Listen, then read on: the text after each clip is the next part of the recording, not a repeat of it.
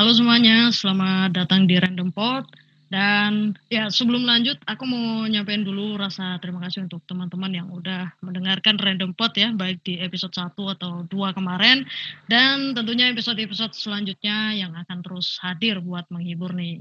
Dan harapannya juga semoga semuanya bisa saling sharing, walaupun berbeda pendapat, it's okay lah ya, namanya juga orang kan beda-beda ya kan. Dan seperti biasa tentunya Random Pot hadir hanya untuk menyuarakan sebuah keresahan tanpa uh, menyudutkan siapa pun itu. Tapi kalau kesinggung, mohon maaf banget nih ya berarti Anda relate dengan apa yang disampaikan di podcast ini. Dan alhamdulillah juga di setiap podcast yang berlangsung saya nggak pernah sendirian ya walaupun di dunia nyata masih. Oke tanpa basa-basi lagi di episode kali ini hadir seorang perempuan cantik yang sangat muslimah sekali. Kita sapa dulu deh ya Halo, Assalamualaikum. Salam kenal semuanya. Assalamualaikum. Waalaikumsalam. Oke, kenalan dulu dong sama pendengar Random Pod. Ada siapa nih di sana nih? Uh, perkenalkan nama saya Ufri. uh, saya sekarang lagi kuliah di salah satu perguruan tinggi di Kota Malang.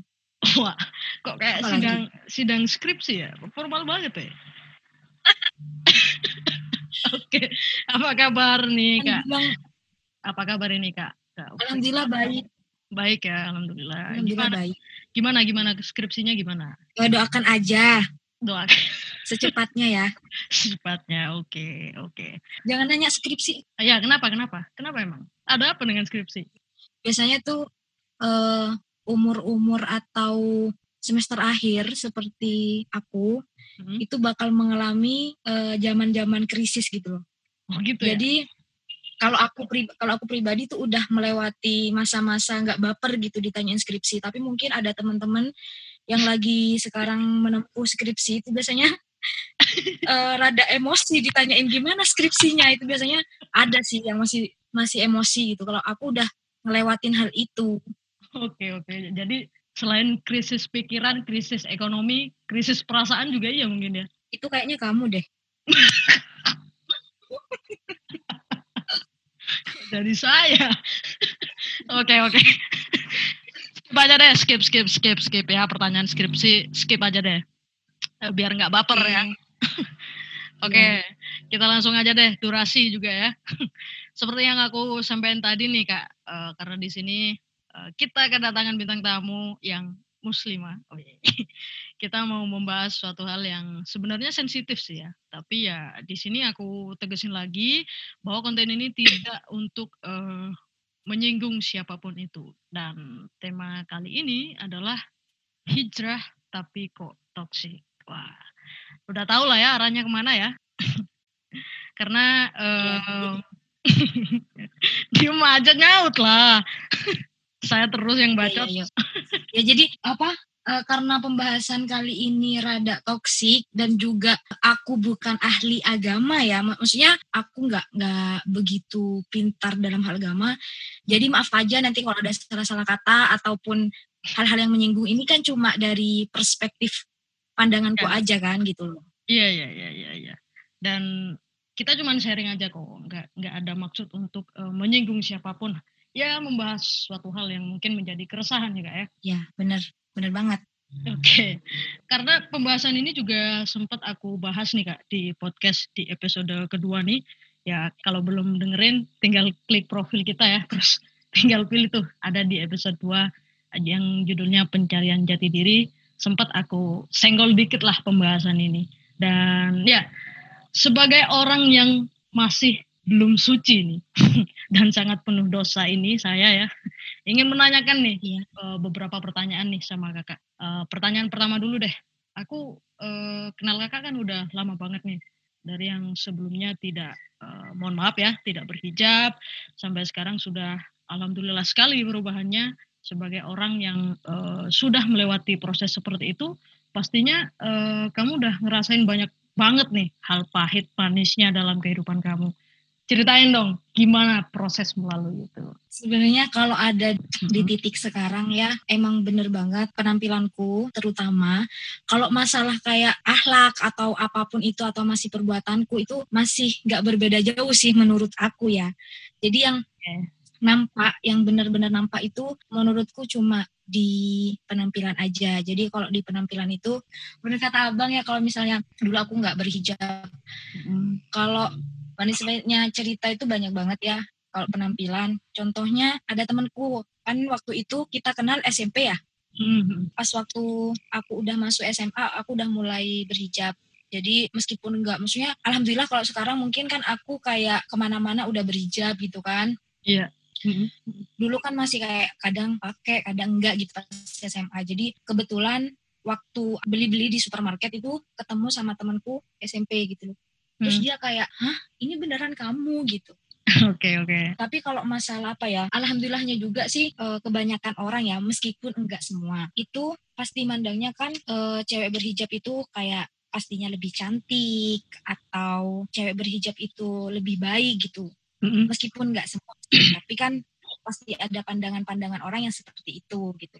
Mm-hmm. Pasti juga kan ada kan yang bilang kalau misalnya ada seseorang yang pakai hijab itu perbuatannya belum baik, jangan pernah salahkan hijabnya kan gitu. Iya iya iya. Tapi betul. salahkan emang orang-orangnya itu gitu loh. Oke. Okay.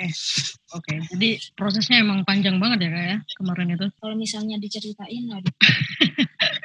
Oke, okay, karena ya, fenomena hijrah sendiri di zaman sekarang ya uh, sudah banyak banget di kita temuin ya, baik itu di media sosial yang banyak banget orang-orang yang uh, menyebar uh, misalnya dakwah lah ya uh, dengan quotes-quotesnya yang itu dan ya sekarang ini memang banyak banget anak-anak muda yang berlomba-lomba untuk hijrah itu sendiri. Alasannya juga macam-macam ya kak ya? Iya benar banget. Entah untuk mendalami agama, untuk menjadi orang yang lebih baik dan lain-lain sebagainya.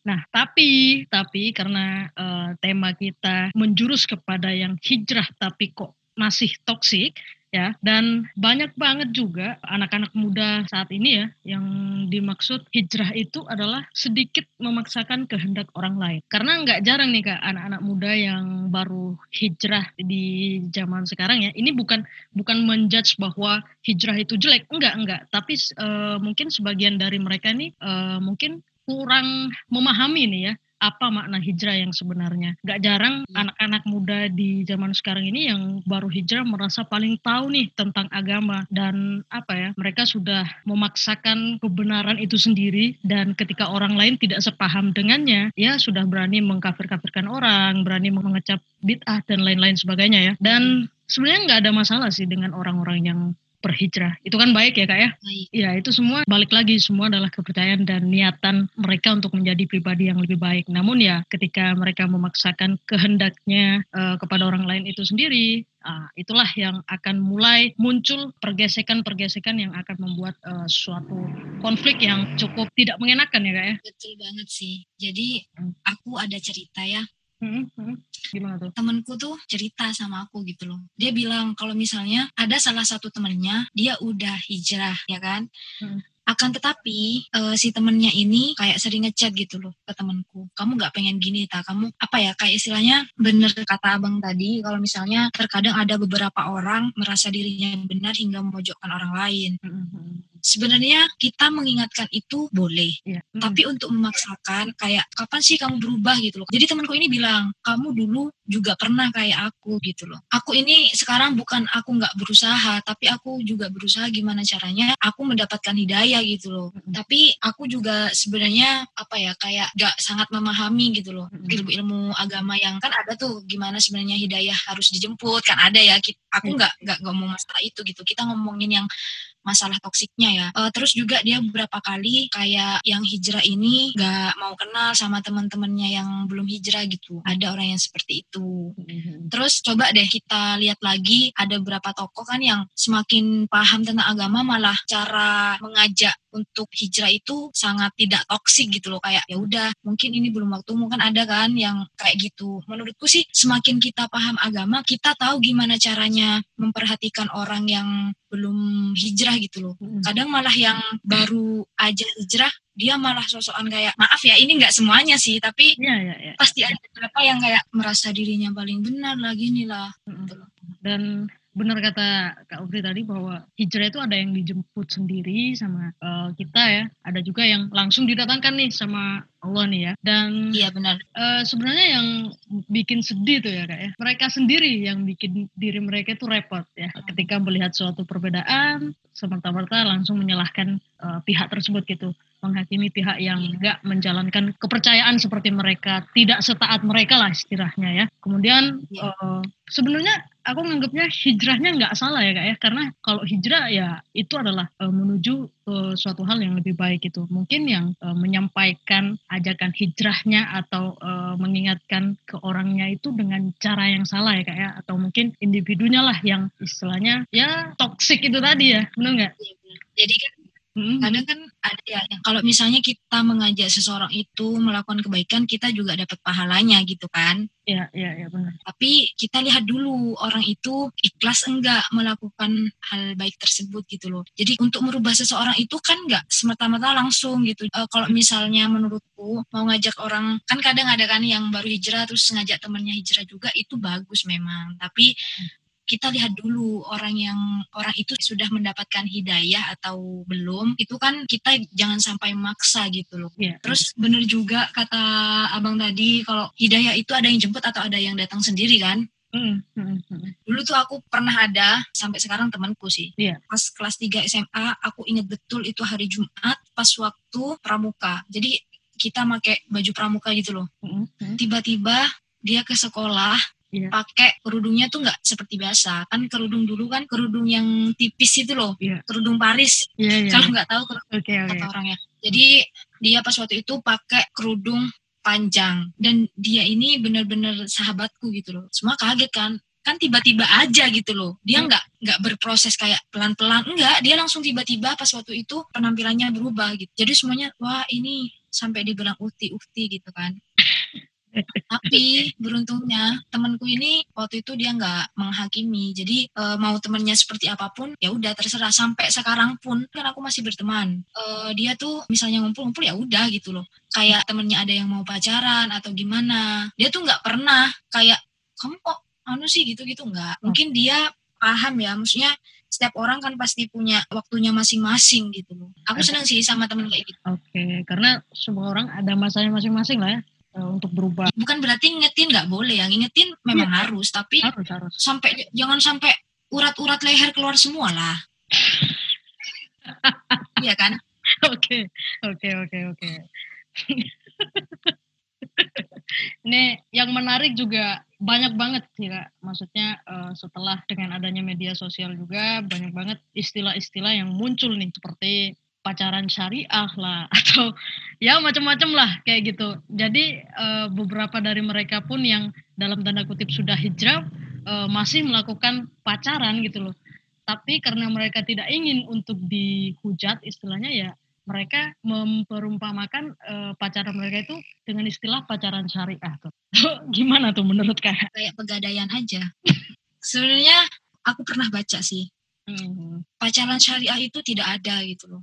Iya, yang namanya Sebab pacarannya apa? udah udah udah dosa kan ya. Nah iya kan, wala takrobu zina kan. Kan oh, aduh, aduh, aduh. Apa namanya? Pacaran aja itu udah mendekati zina gitu kan. Mm-hmm. Ya meskipun ini hanya dasarnya aja agak mendalam ya. Maksudnya uh, mendekati zina seperti apa? Kita kan udah zina apa ya kalau misalnya teleponan atau apa zina perasaan kan udah kita kadang apa ya kayak berimajinasi gitu kan Oke, oke, ya, ya, ya. Nah, ya masa pacaran itu udah kayak gitu masih diembel-embeli syariah gitu loh. Menurutku itu sesuai referensi yang pernah aku baca. Oke. Okay, itu nggak okay. ada gitu loh. Iya. Ya. Toh meskipun kita ta'aruf, mm-hmm. ya meskipun kita ta'aruf, itu ada berapa apa ya kayak istilahnya tuh syarat-syaratnya gitu loh. Kita misalkan kita nggak boleh tuh catatan Okay. Kalau misalnya kita cetan, misalnya kita cetan nih, kita harus buat grup, harus ada orang ketiga gitu loh. Kalau kita mau jalan, kayak gitu ya, maaf aja kalau salah, soalnya kan saya kan nggak mendalami hal ini, tapi sempet lah kayak baca-baca gitu loh. Iya, iya, iya. Dan apa yang dikeselin lagi sama uh, banyak orang-orang ya, mungkin ini juga uh, jadi keresahan banyak orang, termasuk juga aku, banyak banget nih orang-orang yang sudah berada di jalan hijrah itu sendiri masih uh, menghakimi orang lain ya. Kayak misalnya nih, kita berpenampilan urak-urakan mungkin atau pacaran itu tadi ya. Mereka sudah menjustifikasi hal tersebut dengan sangat amat kejam gitu loh. Sampai ada beberapa mungkin yang uh, melakukan persekusi, istilahnya menyumpahi mati dan lain sebagainya. Nah, sebenarnya mereka apa ya? Dibilang seorang fanatik ya gimana ya kak ya? Wah, ini juga sebenarnya keresahan saya ya maaf maaf aja uh-uh. setauku uh-uh. setauku Islam itu mengajarkan tiga hal kan hablum yeah. minallah hablum minanas sama hablum minal alam ya yeah. uh-uh. hablum minallah itu ya hubungan antara manusia itu sendiri dengan Allah hablum minanas itu antara manusia dan manusia dan hablum minal alam dengan alam sekitar gitu kan iya yeah, yeah. nah sayang sayangnya dan faktanya meskipun tidak semua setuju nggak? Kalau misalnya sekarang itu uh, kayak kayak ya tadi ya kayak fanatik lah gini lah kayak gitu kan? Sedangkan sama sesama manusianya suka menjudge.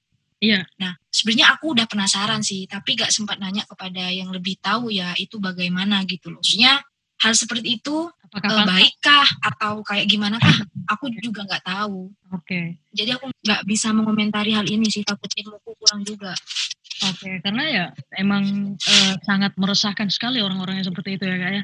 Mereka uh, istilahnya mau memperjuangkan agamanya tapi masih berperang dengan ya sebangsanya sendiri bahkan seagama ya kan ya. Iya. Dan takutnya, mm-hmm. takutnya kalau misal nih aku dijudge kan. Iya. Ini misal ya.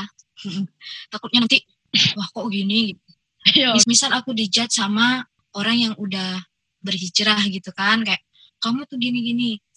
Nah, setelah itu karena aku baper orangnya, mm-hmm. jadi aku ikut hijrah dan tanpa ikhlas gitu loh. Aku takutnya seperti itu.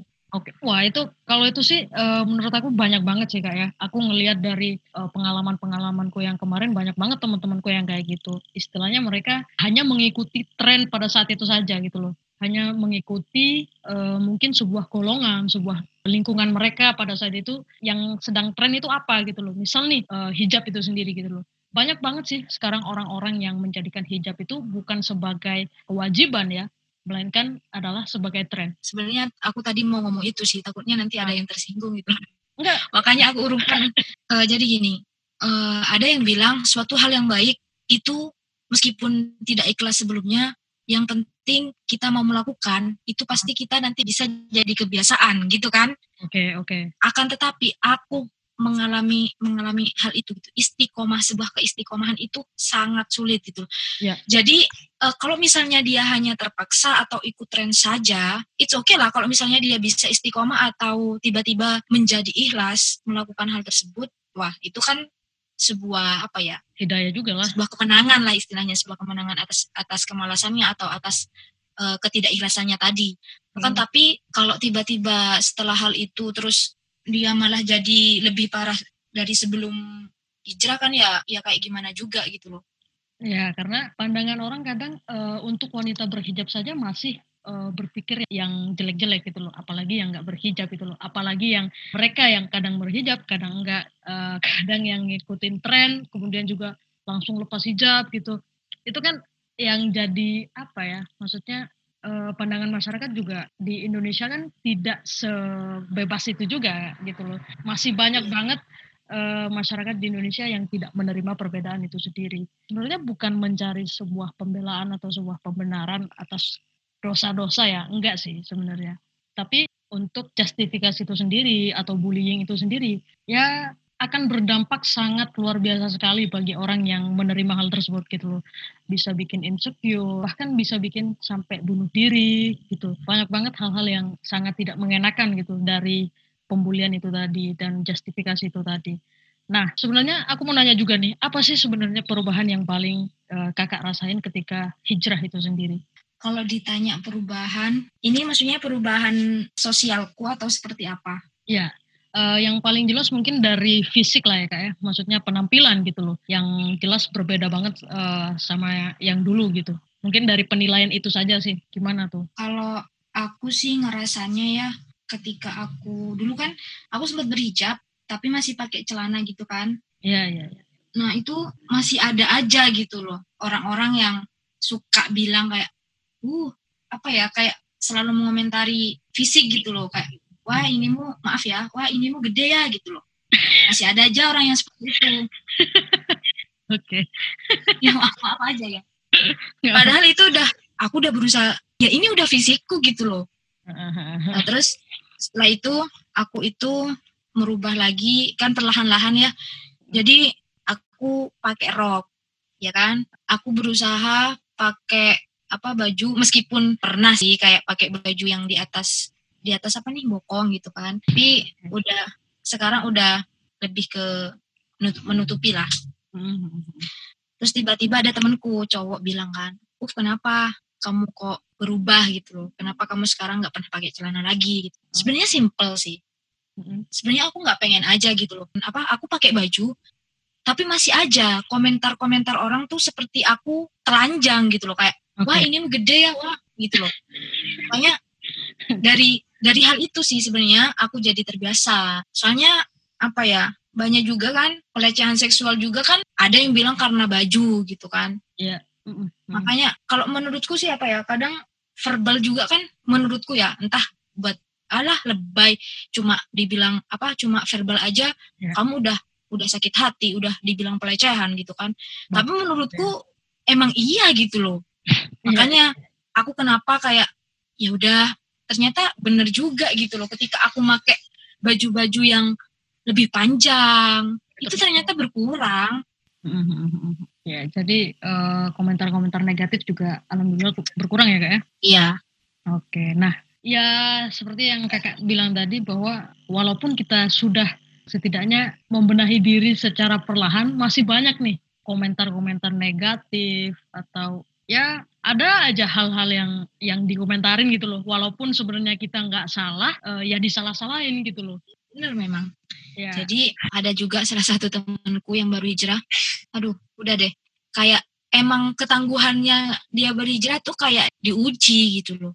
Mhm. Kayak entah orang bilang, "Loh, kok tumben apa ya? Istilahnya banyak-banyak pasti komentar yang seperti itu dan kadang memang kata temanku itu bikin goyah. Tapi Iya. kan ya kalau misalnya emang keinginannya itu udah bulat, ya pasti komentar-komentar itu hanya lewat gak nggak nggak dijadikan sebuah penghalang dia berhijrah gitu. Oke, sebenarnya juga untuk orang-orang yang masih menjustifikasi kita, aku eh, sebagai orang yang masih belum suci nih, ya mohon maaf ya. sebenarnya kita bukannya tidak mau mendengar hal itu gitu loh. Gak apa-apa kita saling mengingatkan, gak apa-apa. Tapi ya mbok caranya yang yang baik juga gitu. Seperti seorang dokter memberikan resep kepada pasiennya, kalau resepnya nggak benar kan nggak bakal diminum juga. Nah itu juga yang eh, mungkin eh, banyak banget orang-orang yang masih belum mendapatkan hidayah. Ya aku juga ya, eh, maksudnya mengharapkan orang-orang yang sudah menjalani hijrah itu sendiri nggak usahlah menghakimi orang-orang yang belum hijrah ya. Eh, kita sebenarnya walaupun kalian sudah hijrah ya tidak menutup kemungkinan juga masih melakukan dosa-dosa itu sendiri gitu loh. Karena balik lagi manusia kan pada dasarnya memang tempatnya salah dan dosa ya enggak. Walaupun kita sudah berhijrah nih, Iya. tapi masih ada yang pacaran. Ya sama aja gitu loh. Cuman ya itu tadi jalan dosanya ya beda-beda gitu loh.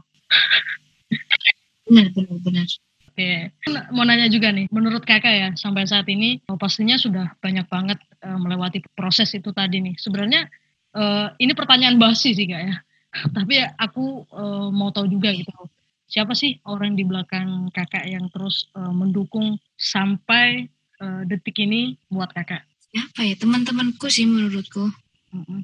Apa ada dukungan juga dari orang tua Teman-teman. atau mungkin siapa gitu? Gini, jujur aja kan kalau sama orang tua karena kuliahnya jauh, nggak nggak tahu apa ya, nggak tahu penampilan kan, mungkin pas waktu pulang gitu kan. Ya, ya. Ya, dan keluargaku bukan tipikal keluarga yang kayak, wah kamu berubah ya gini-gini enggak sih. Sebenarnya kalau dari dulu kalau di rumah itu emang sering pakai rok sih. Mm-mm. Karena aku ini kan hidup di pedesaan kecil ya. Mm-mm. di mana kalau udah seumurku udah SMA waktu itu Hmm. itu kayak kalau masih pakai celana-celana gitu dianggap uh, terlalu seksi gitu loh. Meskipun celana panjang dan hijab. Okay. jadi pada saat itu aku itu udah pakai rok kan. Jadi kalau di mata keluarga mungkin nggak ada apa ya kayak nggak ada perubahan besar sih. Biasa gitu ya? Iya, tapi kalau di teman-temanku sih ada yang bilang kayak aku suka deh penampilanmu yang kayak gini gitu. Oke, jadi yang sangat mendukung kakak sampai bisa melewati proses itu tadi ya kebanyakan teman-teman Iya gitu. benar benar banget. Uh, dukungan mungkin dari mereka dan tidak menjudge mungkin ya karena itu tadi ya. Iya. Uh, uh, uh. Meskipun masih apa ya mungkin tidak bisa menjaga ucapanku yeah. atau perbuatanku tapi mereka nggak pernah kayak maksudnya aku nggak pernah dengar tapi nggak tahu kalau misalnya ada apa omongan di belakang ya aku nggak tahu. Tapi kan aku ini menilai dari dari sepengetahuanku aja. Jadi nggak pernah kayak Free kamu jangan gini lah malu sama inimu. Untung nggak ada yang kayak gitu. Oke. Okay. nah untuk kakak sendiri nih apakah uh, kakak termasuk nggak sih kategori yang mungkin misal nih ada orang yang uh, belum berhijrah atau mungkin masih ya masih urak-urakan lah ya masih gaul gitu istilahnya. Uh, apakah kakak masuk dalam kategori yang menghakimi orang tersebut gitu loh? Gimana tuh kak? Sebelumnya mohon maaf. Hmm. Ya. Ya, nggak apa-apa. Aku juga masih banyak dosa gitu loh. Coba aja aibku dibuka semua sama Allah. Udah gak ada yang mau berteman kali sama aku gitu kan. Jadi aku itu gak pernah mencat siapa pun. Aku mau berteman dengan siapa pun gitu loh mungkin kalau misalnya ngingetin ya ngingetin doang gitu. Kalau misalnya ada nih salah satu temanku kalau nggak percaya silahkan tanyain aja sih. Kayak uh, tidak melakukan kewajibannya mungkin aku ingetin doang nggak kenapa sih kamu kayak gitu? Enggak jadi kayak hmm. kamu nggak mau ini tak gitu loh. Oke. Okay. terus dia bilang kayak iya sih. Iya dari dia bilang iya sih aku pengen tapi gini gini gitu. Udah. Aku lihat-lihat orangnya sih kayak ini sensitif nggak ya kalau misalnya aku omongin hal ini gitu. Uh, jadi aku masih lihat-lihat kondisi sih, maksudnya nggak langsung kayak blast-blast. Ya soalnya kan aku juga aku ngerasanya aku ini belum baik gitu loh. Iya, iya. Ya mungkin dari segi penampilan aku memang berubah, tapi kalau dalam hal-hal yang menyangkut kayak perbuatan, ucapan, menurutku aku masih belum gitu loh. Tapi aku berusaha kayak gitu. Jadi aku nggak memaksakan teman-temanku yang belum berubah. Aku paksa berubah enggak sih. Ya uh, ini sekali lagi uh, juga kita tekankan ya. Bukan hijrahnya yang salah tapi yang orang-orang atau oknum di balik yang menyampaikan hal tersebut yang uh, apa ya kurang mungkin kurang jelas atau kurang tepat lah istilahnya. Uh, bisa jadi juga ini karena mungkin tidak punya pembimbing yang baik ya kak ya. Atau guru entah itu kiai juga. Karena sejatinya dari hijrah sendiri kita pun harus butuh pembimbing yang uh, sudah berpengalaman ya enggak iya benar. Dan agar tidak salah-salah sih. Iya. Dan banyak banget fenomena sekarang yang memang uh, mungkin nih kita ambil salah satu da contoh dari teman-teman kita uh, yang hijrahnya melalui quotes-quotes yang ada di Instagram mungkin ya nah biasanya dari sanalah mereka uh, mungkin ketika mengingatkan orang lain, ketika mengingatkan mereka yang belum berhijrah, penyampaiannya salah gitu loh. Caranya dia mengajak itu salah. Seakan-akan ya menghakimi itu tadi. Ya, aku tuh pernah hmm. pernah ada salah satu orang lah ya, dia tuh bilang kalau misalnya gak suka sama salah satu golongan gitu misalkan, Terus ditanya, kenapa kamu gak suka ini gitu. Terus dia bilang, e, dia baru belajar agama gitu kan. Iya. Semasa dulunya dia ya gak pernah menaikkan sholat. Terus iya. tiba-tiba udah mantap belajar. Akan tetapi dia belajarnya otodidak. Oke, okay, ya. Yeah. Belajar otodidak itu seperti apa? Jadi dia kayak searching-searching gitu loh. Hmm, hmm, hmm, nah padahal kan belum tentu kan yang di Google itu kan uh, istilahnya akurat gitu kan. Kadang kalau misalnya kita baca aja loh, pasti pemahaman kita ya beda. kayak ya. oh beda gitu kan pemahamannya gini.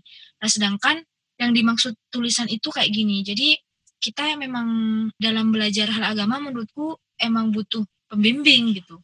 Okay. Jangan sampai apa ya jangan sampai salah paham tapi aku memaklumi sih sebenarnya memaklumi kenapa ada orang-orang yang baru hijrah terus toksik gitu. Aku memahami akan hal itu. Misalnya gini, contohnya berhijrah itu kan berpindah ke yang lebih baik gitu kan atau hijrah itu artinya kan berpindah. Hmm. Tapi ini kan dalam hal yang lebih baik ya. Aku bisa memahami sih. Kalau pemahamanku itu gini, contohnya misal nih aku aku dari kemarin-kemarinnya apa ya kayak uh, contoh berbuat baiknya itu nggak ada gitu terus habis itu aku ini baca gitu loh kalau misalnya bersedekah itu akan membuka uh, rezeki kita gitu kan. Mm-hmm. nah tiba-tiba aku aku bersedekah gitu. Terus rezekiku lancar tiba-tiba. Aku pasti kan aku pasti kayak ketika ada orang yang lagi susah atau apa aku pasti suruh bersedekah gitu. Soalnya aku lo gini-gini. Pasti kan aku merasa bahwa hal yang aku ternyata berhasil. Kalau menurutku, aku jadinya memaklumi, oh jadi orang yang berhijrah itu mungkin uh, dia merasa dirinya baik, kan baru-baru kan, dia baru peralihan gitu loh. Jadi dia merasa dirinya baik dan menganggap orang-orang yang yang tidak seperti dirinya ya kotor ya, banget gitu ya. mm, jadi aku apa ya kadang kayak oh ya udah sih mungkin dia masih di waktu itu gitu masih di waktu yang menganggap orang lain kayak gini gitu jadi kalau aku santai-santai aja sih kalau misalnya ada orang yang ada orang yang kayak gitu Oke, biasanya embel-embel kata depannya itu sekedar mengingatkan ya. iya, sekedar mengingatkan, tapi maksa. Oke. Bukannya apa ya, aku sedang mengingatkan gini-gini. Karena ya gimana ya, uh, untuk menyalahkan orang lain juga tidak serta merta membenarkan orang tersebut gitu loh. Membenarkan orang yang uh, istilahnya menjustifikasi itu tadi. Justru malah uh, menurut aku ya kayak ya, semakin mengindikasi bahwa orang tersebut ya tidak bertanggung jawab dengan apa yang dia uh, jadikan pegangan. Mungkin hijrahnya itu tadi ya mungkin hanya uh, dijadikan tren mungkin ya. Ya wallahu alam ya. Bisa aja ya wallahu alam sih. Kadang ada yang hari ini dia berjilbab panjang besoknya tiba-tiba kan gak ada yang tahu gitu kan. Ya meskipun apa ya e, kalau menurutku itu paling sulit itu istiqomahnya. Kalau misalnya ikut tren misal nih sekarang trennya oh kayak gini ya udah aku ikut aja gitu kan. Hmm. tapi kan nggak masalah kalau misalnya dia bisa istiqomah kan. Iya iya iya ya, benar benar benar. Jadi bisa keterusan. Tapi kalau tren-trennya ya trennya udah habis ya udahlah gitu. Ya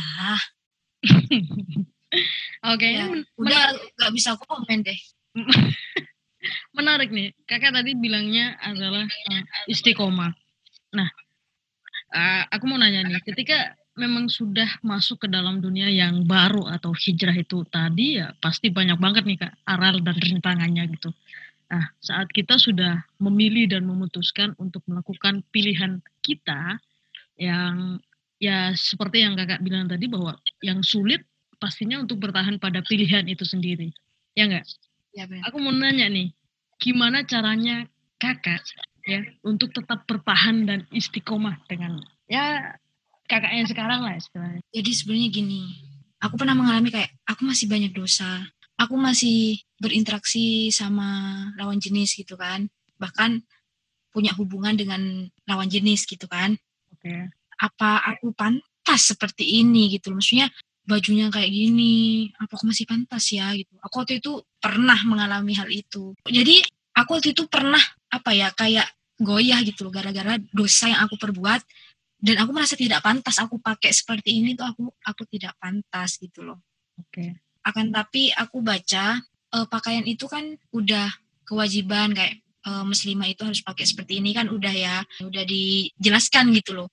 Muslimah baiknya memakai seperti ini. Itu kan ada ada penjelasannya. Nah, jadi uh, kalau masalah aku masih berbuat dosa, terus aku masih gini, masih gini, itu kan bisa diperbaiki perlahan kalau semisal waktu itu aku berpikiran aku akan apa ya kayak udah nyerah kayak ya udahlah aku pakai baju seperti biasanya entah pakai celana entah pakai apa gitu kan.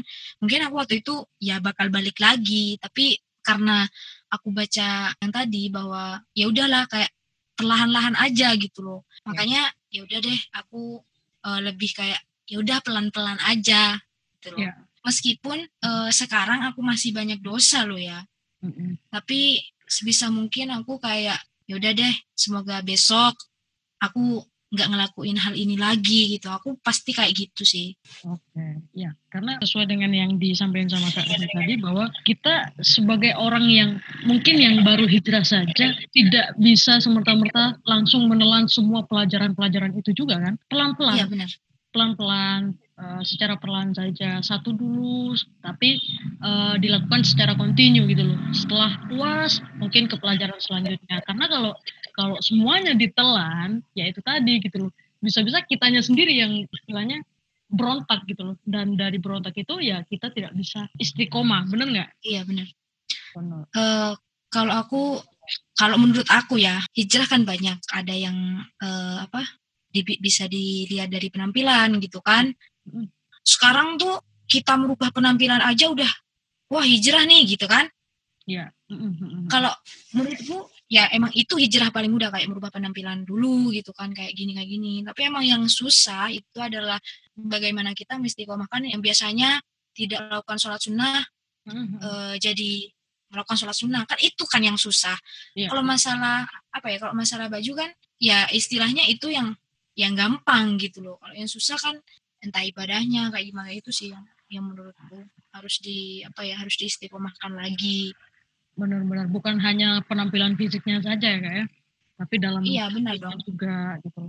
Ya amalan-amalannya itu tadi ya enggak iya benar benar benar.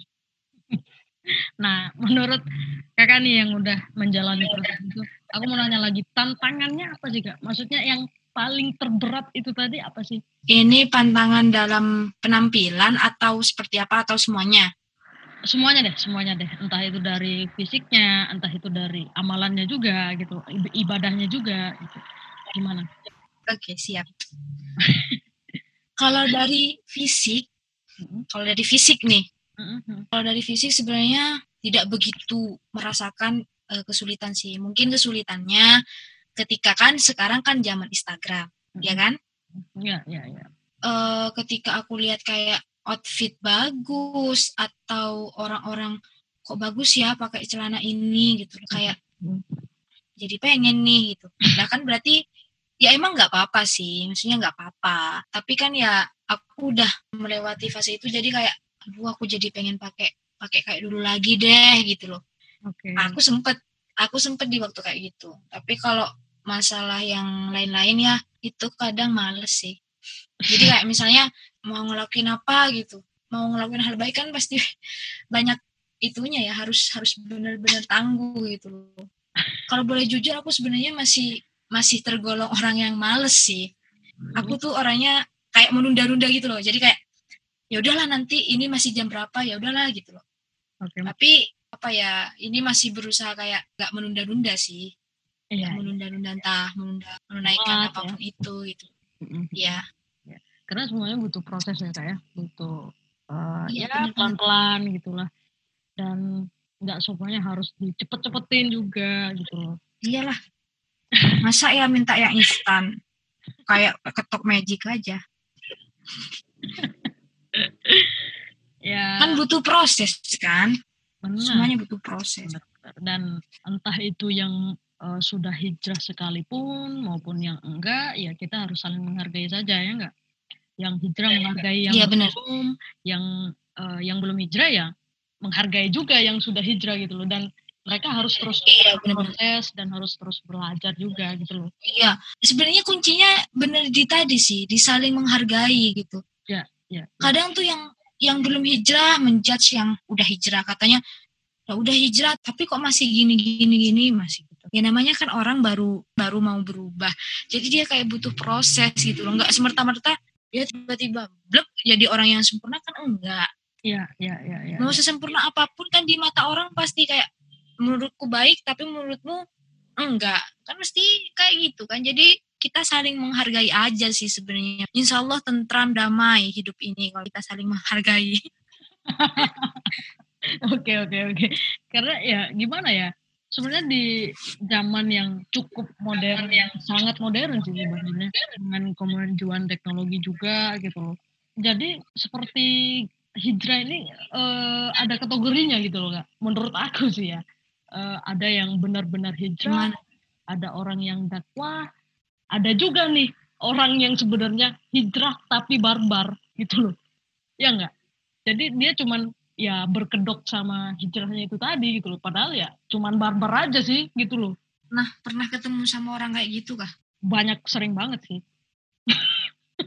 Sering banget sering banget. Ya mungkin ya mungkin mereka tidak merasa dirinya barbar sih dan harus di sebenarnya harus orang-orang seperti itu yang nggak sadar itu kalau e, dirinya barbar itu patut kita senggol dikit lah. Maksudnya senggol itu kita ingatkan gitu loh ya enggak lah enggak usah bacok enggak.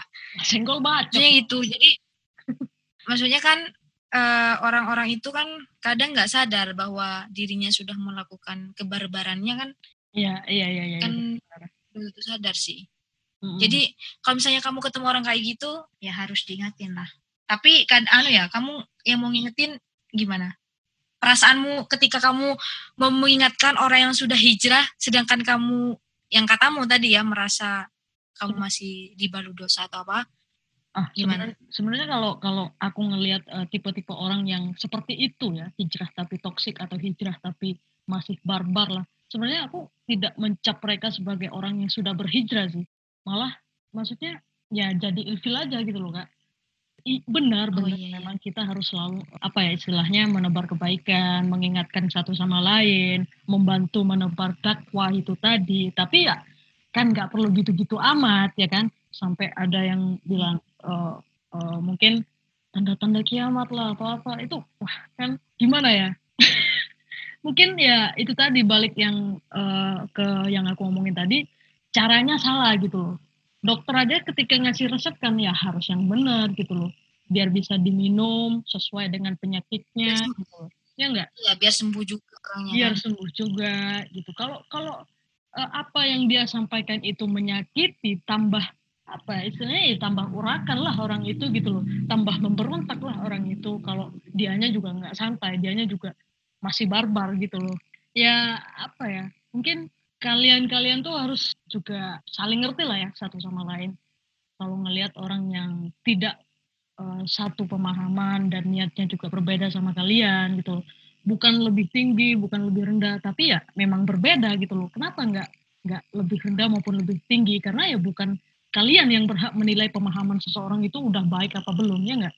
Apalagi ya perihal syariah ini, perihal uh, hijrah ini tadi yang cakupannya sangat luas dan sejarahnya sangat panjang banget bahkan e, mungkin kalian sendiri juga pasti ngakunya masih belajar ya nggak? Ya apa ya menurut aku sih nggak perlu lah sampai segitunya itu nggak perlu sampai menjustifikasi tidak perlu sampai membuat orang lain itu insecure gitu. Membuat orang lain itu sangat merasa tambah berdosa gitu loh kak. Ngerti nggak maksudnya? Ya, ya, ngerti, ngerti. Hmm, daripada kalian akhirnya malah ngegas ya nggak? Kan jatuhnya udah salah tuh sok tahu lah istilahnya uh, lebih bukan mengingatkan lagi malah menurutku udah menghina sih sebenarnya menghina orang lain gitu loh. Apalagi ya mungkin bawa-bawa uh, orang tua bawa-bawa uh, keluarga gitu loh. Segala lapis ranah pribadi sudah dibawa gitu. Kan kalau kayak gitu kan ya udah kasar gitu loh udah kelewatan gitu loh. Coba pikir-pikir lagi gitu. Lebih baik ya kalau kayak gitu ya diem aja gitu. Kalau seseorang butuh nasihat-nasihat ya pasti juga dia minta sendiri gitu loh ya enggak kalau mereka tidak butuh sedang tidak membutuhkan nasihat tersebut ya buat apa?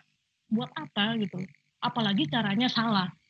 Kalau caranya masih benar ya mungkin masih bisa dijadikan sharing uh, untuk pembelajaran. Nah ini kalau udah caranya yang salah kita sendiri akan yang jadi ilfil. Ya enggak sih? Btw kamu menggebu-gebu sekali ini. Apakah pernah terjadi di kamu sendiri atau apa?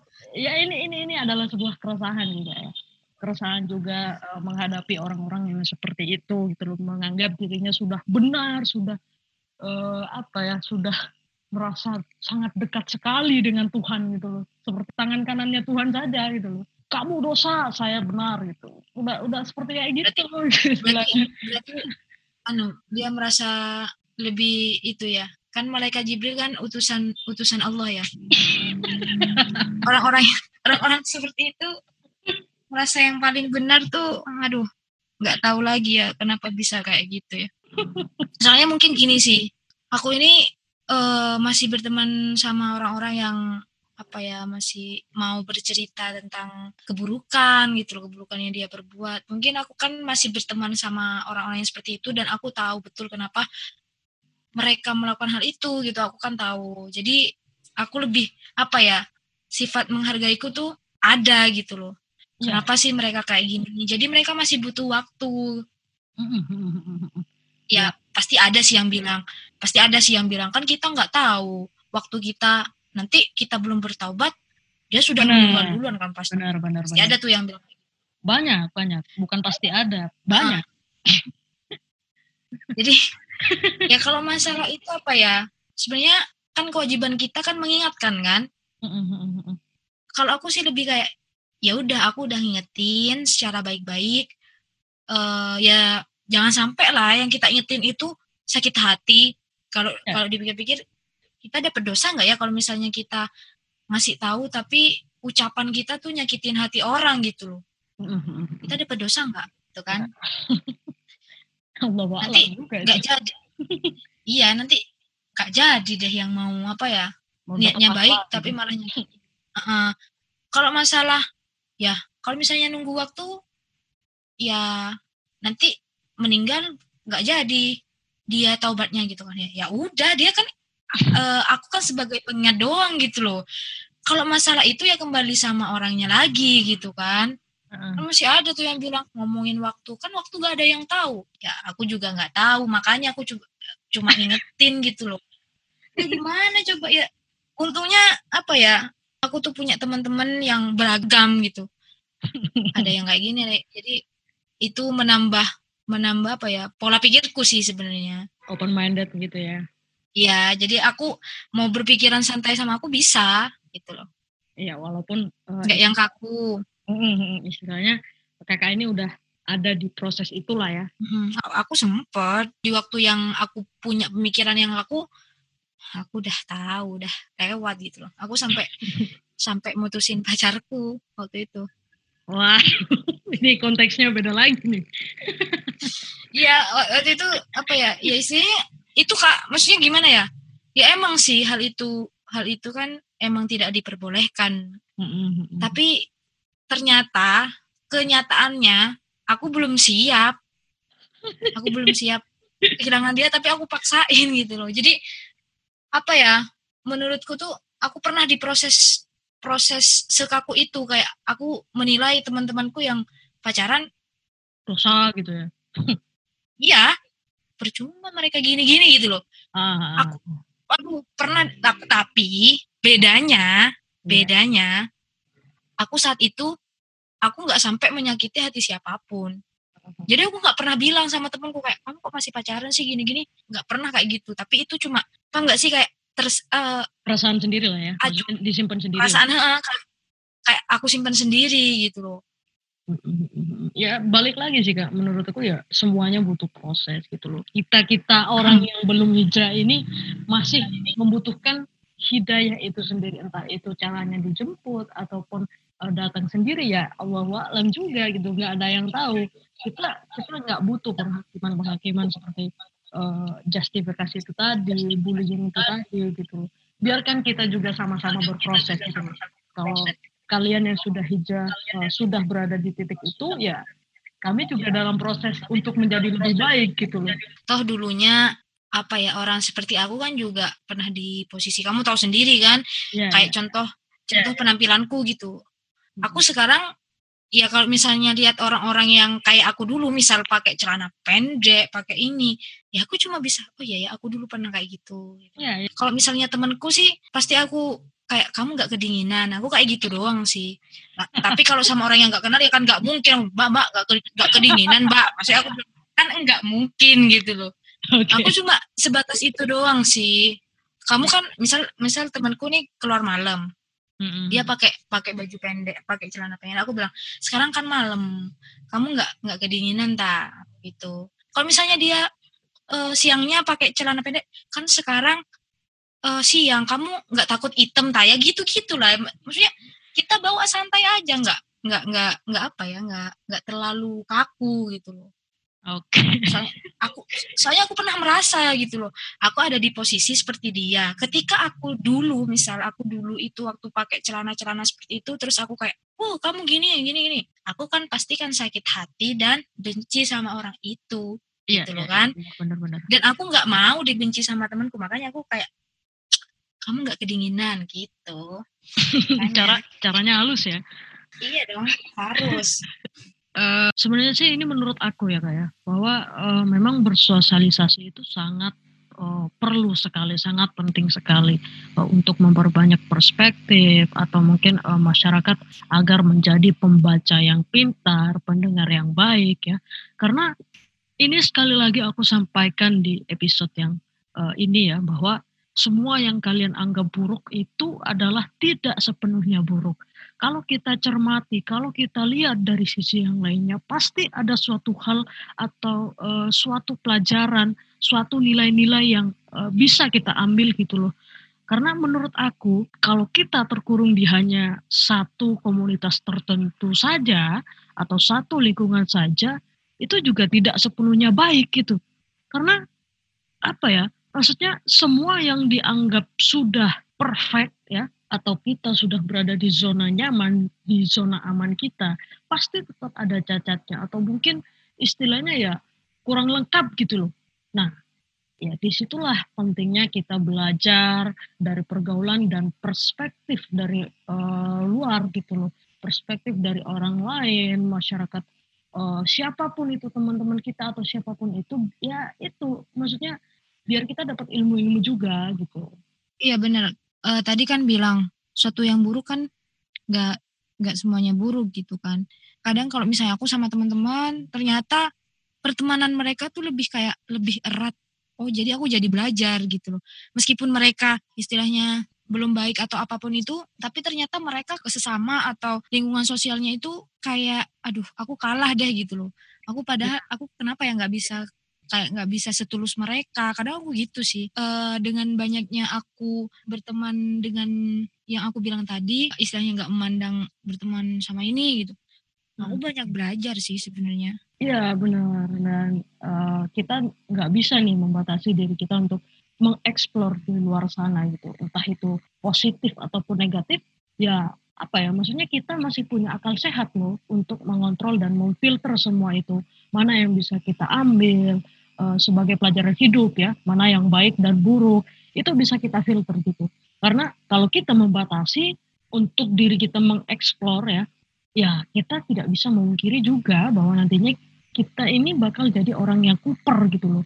Bakal jadi orang yang kolot atau tidak bisa menerima perbedaan itu tadi yang akhirnya berujung menjadi manusia yang toksik dan hidup dalam egonya sendiri gitu loh. Uh, jadi kan kadang ada yang bilang kalau misalnya pertemanan itu berpengaruh gitu kan. Iya, iya, iya, iya. Iya memang berpengaruh.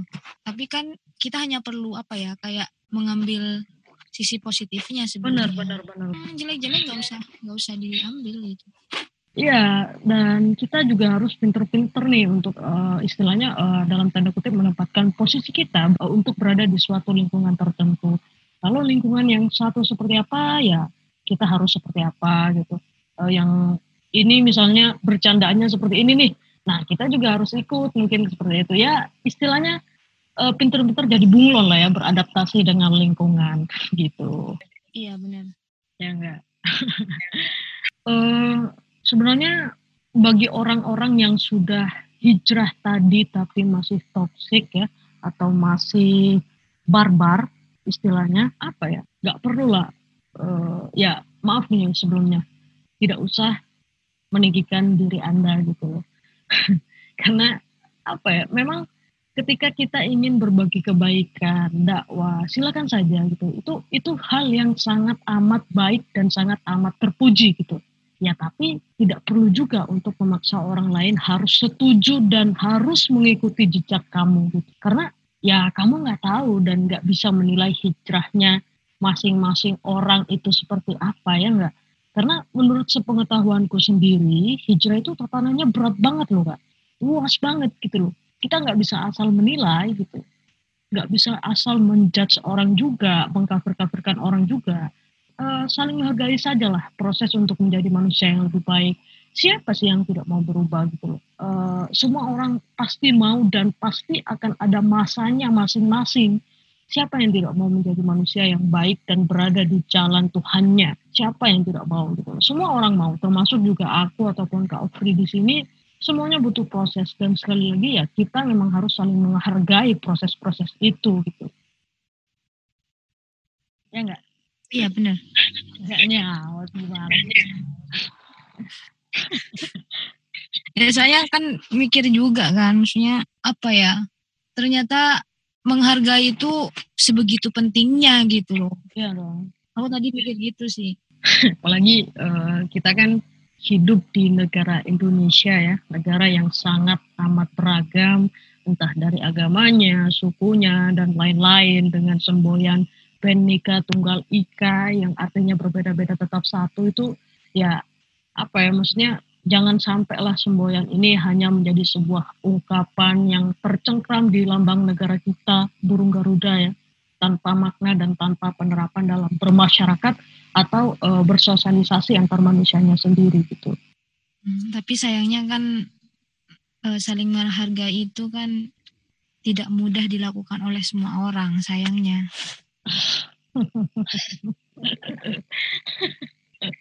Oke, okay. Uh, mungkin ada nggak kak? Maksudnya pengalaman terparah dari proses menuju kakak hijrah seperti sekarang ini, ada nggak? Hmm, apa ya? Sebenarnya aku nggak nggak punya pengalaman terparah atau apa pun itu sih. Akan tetapi yang tadi aku bilang itu ya kayak perasaan ini loh, perasaan aku masih berdosa. Pantaskah gitu loh. Itu sih menurutku yang gejolak kayak yang masih kepikiran gitu loh. Aku mau lanjut nggak lanjut nggak. Itu sih kayak aku ini masih berdosa tapi aku pantaskah ya aku ngambil jalan ini gitu. Maksudnya ngambil jalan ini ya pantaskah aku berubah gitu dari segi penampilan kan waktu itu aku kan awalnya nggak nggak merubah sifatku yang barbar ini kan maksudnya barbar tuh pecicilan gitu maaf ya bukan ya, ya, barbar ya. yang kamu maksud tadi loh. iya iya maksudnya aku masih pecicilan masih gini masih gini masih asik ngomong sama sama apa sama teman-teman gitu kan.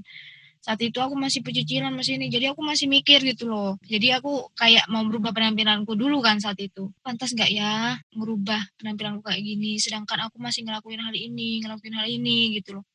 Jadi itu sih menurutku uh, apa ya pengalaman yang benar-benar bikin aku goyah pada saat itu kalau lain kayak uh, hujatan atau apa pun itu nggak ada sih sama ini sih sama kayak lihat penampilan sih kayak kok aku nggak trendy lagi ya gitu. Oke. Okay. Dulu sempet sih kayak gitu kayak oh nggak nggak trendy lagi sih nggak trendy dulu gitu. Bilang pamor ya. Mm-mm, jadi tapi tuh ada temanku tuh apa ya kayak yang udahlah nggak apa-apa gitu loh kan yang penting sekarang kamu udah apa ya istilahnya udah nggak kan beda kan ya kalau dulu kan pakai celana jeans gitu kan dulu kan jadi kayak masih berbentuk gitu nggak apa-apa yang penting kamu sekarang gini-gini gitu loh. Iya, iya, iya, iya. Karena pada dasarnya kan menurut sepengetahuanku lagi nih ya, uh, hijrah kan bukan sekedar merubah penampilan gitu. Melainkan apa yang ada di dalam diri kita ya juga harus ikut dirubah. Yang namanya hati itu kan ya ada di dalam diri sendiri. Dan satu-satunya yang tahu apa isinya siapa kita sebenarnya ya kita sendiri juga gitu loh. Iya benar, tapi sayangnya orang itu menilai hanya yang nampak saja gitu loh. Iya enggak? Iya, iya. Kayak yang kita rasain tuh orang nggak tahu gitu loh.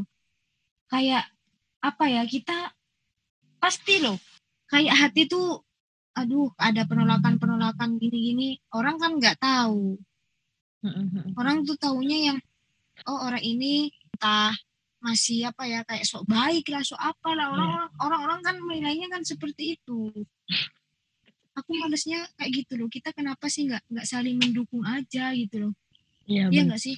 Saling menghargai lah ya. Kalau uh, memang melihat fenomena yang sekarang ya balik lagi mereka yang mengaku sudah hijrah tapi masih toksik atau barbar tadi uh, memang uh, sangat annoying sekali dan sangat menyebalkan sekali ya. Uh, maksudnya menyebalkan di sini uh, gimana ya? Memang kita harus dituntut untuk menjadi manusia yang kritis ya. Tapi mereka ini memang kebanyakan mengkritisi suatu hal yang sangat amat too much gitu loh, ber, uh, berlebihan gitu loh mengkritisinya. Contoh nih, contoh ketika mungkin ada perbedaan pendapat dan pandangan yang tidak sepaham dengan mereka, uh, masalah uh, mungkin cara melaksanakan ibadah atau amalan-amalan apa pun itu lah ya.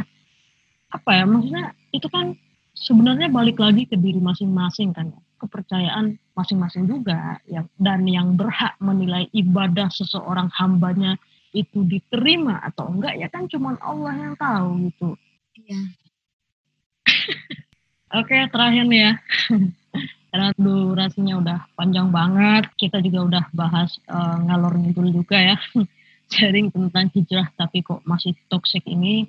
Dan sebelum penutupan, uh, mungkin ada pesan-pesan yang ingin disampaikan sama Kak Ofre nih uh, untuk golongan orang-orang toksik di luar sana yang dari tadi sudah kita bahas. Monggo dipersilahkan.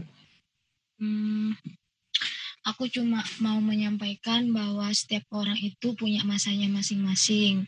Hmm. Jadi uh, cukup hargai saja keputusan yang mereka ambil karena setiap orang itu pasti punya keinginan untuk berubah suatu saat nanti gitu.